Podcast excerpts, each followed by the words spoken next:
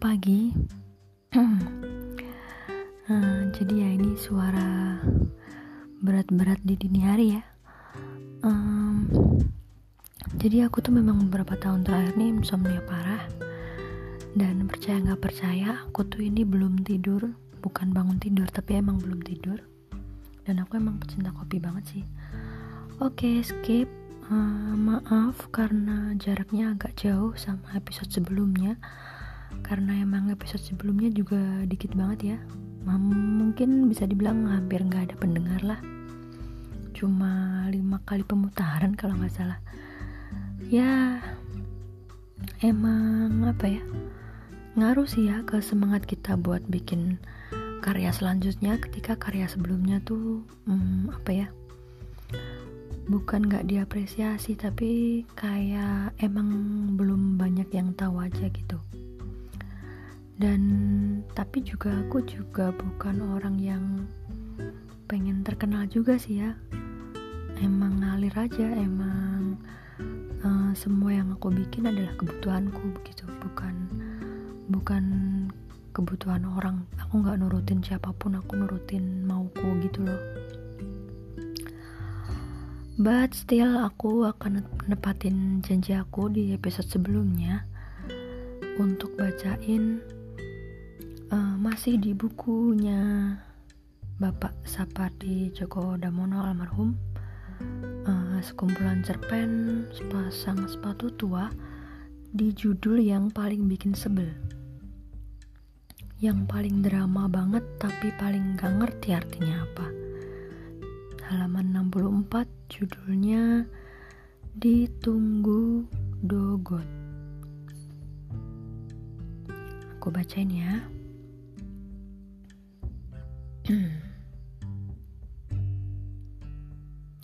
Kita harus tepat waktu, tidak boleh terlambat, apalagi terlalu cepat datang. Dogot sama sekali tidak suka orang yang tidak tepat waktu, harus tepat, setepat-tepatnya. Kita harus bergegas kalau begitu. Siapa bilang begitu? Harus tepat waktu. Sudah ku bilang, terlalu cepat juga tidak tepat waktu. Tapi kan bisa menunggu sampai dogot muncul kalau kita terlalu cepat sampai. Jadi kita bergegas saja. Kamu tahu siapa dogot? Peduli amat. Benar juga. Tapi kalau tak tahu bagaimana kita bisa tahu itu dogot kalau nanti ketemu? Loh, tadi kau bilang kita ditunggu dogot. Begitu? Mungkin. Tapi kan kita ini ditunggu. Jadi tak peduli kita kenal atau tidak siapa yang menunggu. Yang jelas adalah kita ditunggu dogot. Siapa itu dogot itu bukan urusan kita. Bahkan apa yang menunggu itu dogot atau apa itu juga di luar urusan kita. Tapi enaknya dogot saja yang menunggu kita, ya kan? Dari mana kau tahu kita ditunggu? Peduli amat. Kalau begitu, ditunggu atau tak ditunggu ya sama saja. Begini, kalau ada yang menunggu, tentu harus ada yang ditunggu. Kita ditunggu, jadi tentu ada yang menunggu. Ya dogot itu, pakai akal sehat saja lah. Ditunggu itu pasangannya menunggu, kita sekarang ini ditunggu. Dari mana kau tahu? Peduli amat. Kalau begitu tidak usah ditunggu sajalah biar enak. Tidak mungkin dunia ini tidak akan ada jika tidak ada tunggu menunggu. Kau bisa membayangkan dunia yang tidak ada yang menunggu dan tak ada yang ditunggu. Apa yang kau kerjakan coba? Begitu saja kok susah. Kau saudaranya Dogot ya? Tai kucing. Jangan marah, ditunggu kok malah marah. Yang menunggu boleh marah, begitu logikanya kan? Dogot itu saudaramu ya? Sontoloyo lo. Bapakmu. Jangan begitu. Jangan-jangan Dogot itu saudara tirimu, ya enggak? Jangan kura-kura dalam perahu, ya enggak? Saudara tirimu kan? Tai kucing.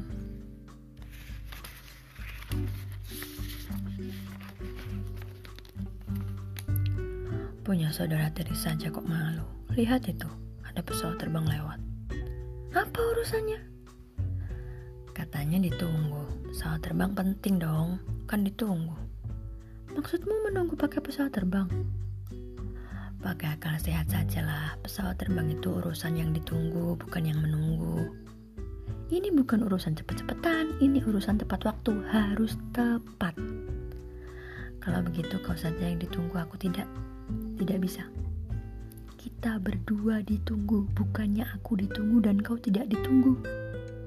Loh, kau tidak boleh memilih? Memilih apa? Yang memilih tidak ditunggu. Kalau pakai akal sehat kan boleh memilih. Kau memilih ditunggu, aku memilih tidak ditunggu. Masalahnya jadi beres kan? Kita ditunggu, bukan aku saja, kau juga. Akal sehat berbunyi, jika ada yang menunggu harus ada yang ditunggu. Kau dan aku ditunggu, mau tidak mau, itu baru akal sehat namanya. Ya sudah.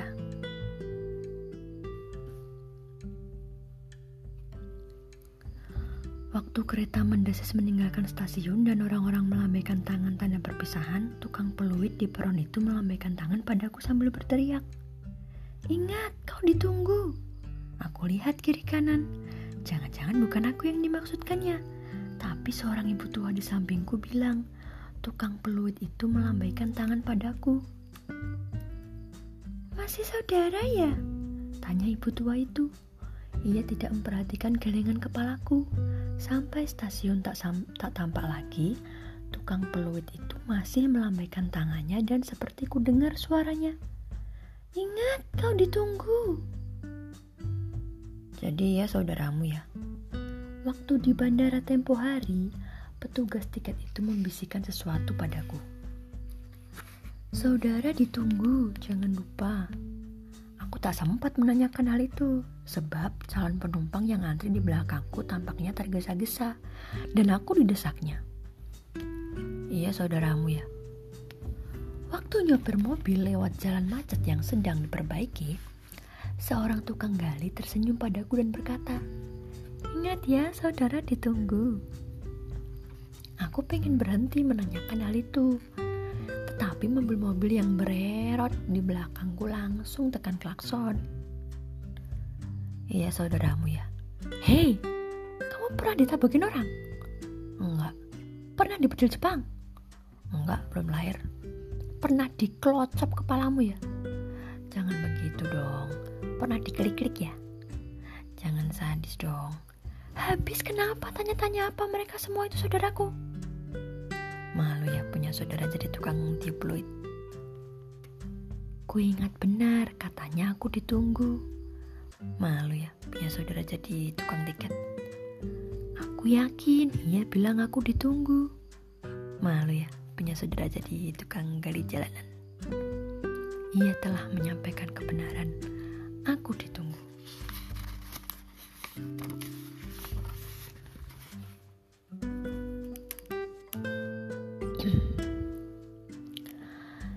Sana cepat, nanti terlambat.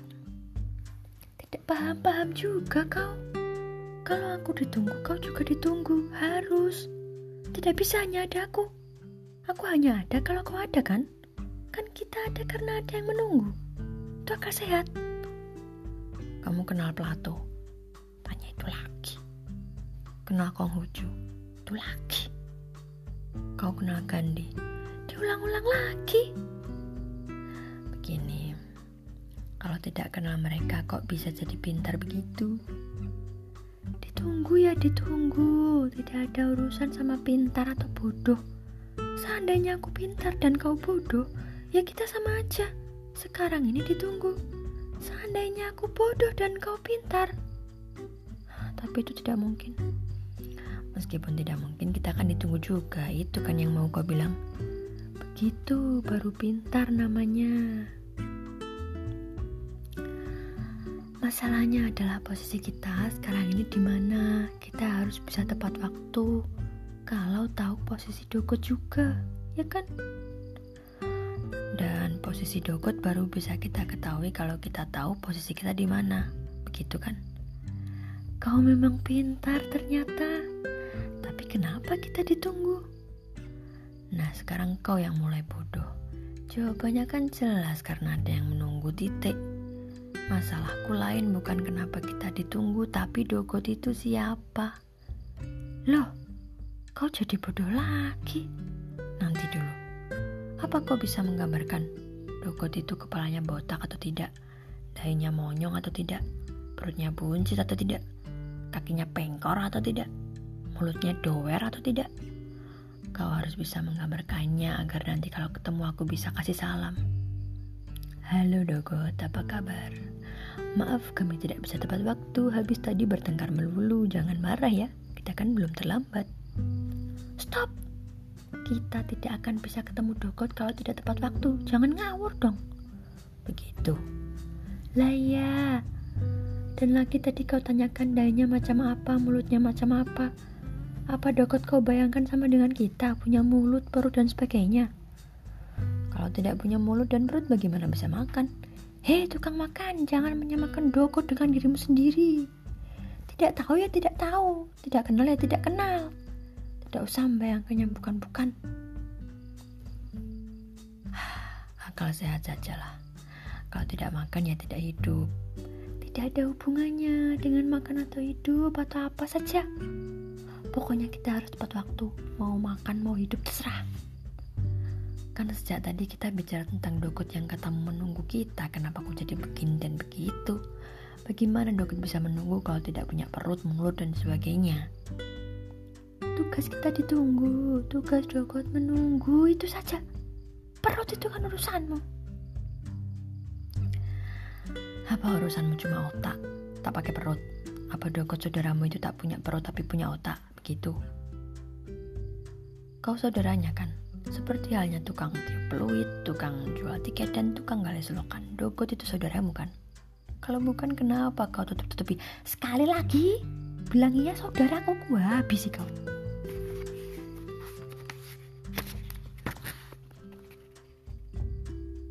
Kal, kalau aku kau habisi ya, alhamdulillah. Aku nggak usah ditunggu dogot. Siapa bilang begitu? Loh, mulai bertanya. Lihat itu matahari sudah sepenggalah. Kita harus cepat-cepat supaya tidak ditinggal dokot.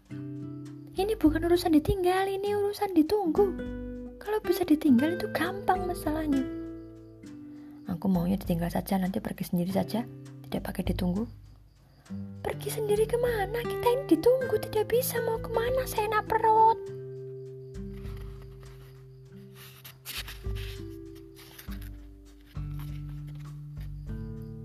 Waktu aku menuruni bukit untuk menemuimu dari lembah, juga aku dengar suara. Jangan lupa, kalian ditunggu. Itu tandanya kau juga ditunggu, tidak hanya aku.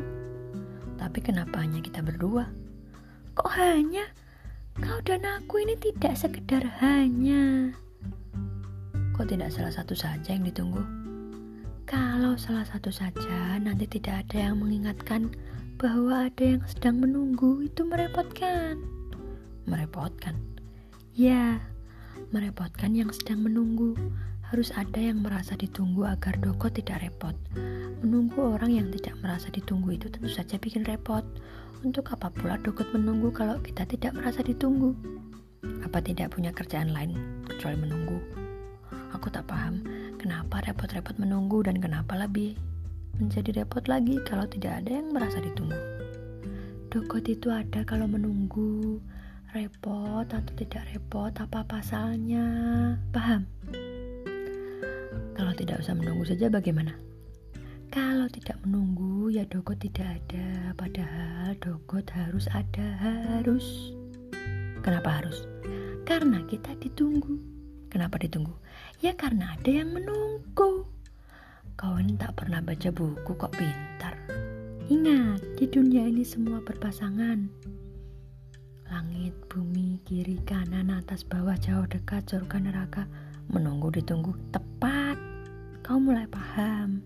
Kalau yang ditunggu ketemu yang menunggu Tidak boleh dan tidak mungkin. Mana ada langit ketemu bumi? Kalau ketemu namanya bukan langit dan bumi lagi Tidak berpasangan lagi. Kau pikir bisa membayangkan jauh dan dekat bertemu Bisa kau bayangkan siang dan malam bertemu? Bisa kau bayangkan laki dan perempuan bertemu? Kau dan aku? Ya harus berpasangan supaya ada. Kalau nanti kita ketemu dogot siapa bilang kita akan ketemu dogot? Loh kau bilang kita ditunggu. Ya supaya ada sepasang. Ditunggu menunggu. Sudah sajalah capek juga ditunggu. Ditunggu kok capek? Yang nunggu saja tidak capek. Kok tahu ini bukan pasal tahu atau tak tahu dogot menunggu dan kita ditunggu dan yang ditunggu tidak berhak capek itu saja. Tapi apa ada yang bilang aku capek ditunggu? Orang bilang aku capek menunggu, ya kan? Akal sehat. Kau pintar lagi. Yang ditunggu tidak ada yang bilang capek kan? Akal sehat. Pasal capek atau tidak capek tidak usah dikait-kaitkan dengan sehat atau tidaknya akal. Bahkan dengan akal pun tidak ada kaitannya. Kau memang suka mengait-ngaitkan yang bukan-bukan. Begini, kalau ditunggu tidak berhak capek, menunggu juga tidak berhak dong. Ya, terserah yang menunggu saja, mau capek mau tidak. Loh, katanya tadi nggak ada yang boleh capek, gimana sih? Gimana gimana? Itu loh yang menunggu, dia boleh capek begitu. Terserah. Hanya saja ingat, kita tidak boleh capek hanya karena ditunggu, itu wajib hukumnya. Kita ini boleh mikir cara apa? Ditunggu kok mikir. Kita harus tepat waktu tidak boleh terlambat apalagi terlalu cepat datang. Dan dogot menunggu. Kita wajib ditunggu. Titik. Oktober 2002. Selesai. Pusing gak tuh? Gak usah dipikir sih. Aku juga blank. Sekian kalinya baca dan masih blank itu apa? Ya udah. Untuk kali ini nggak bisa dibahas sih kayaknya. Bener-bener. Ya udah gitu aja. Terima kasih ya. Share juga dong biar yang dengerin banyak biar aku semangat juga bikinnya. Makasih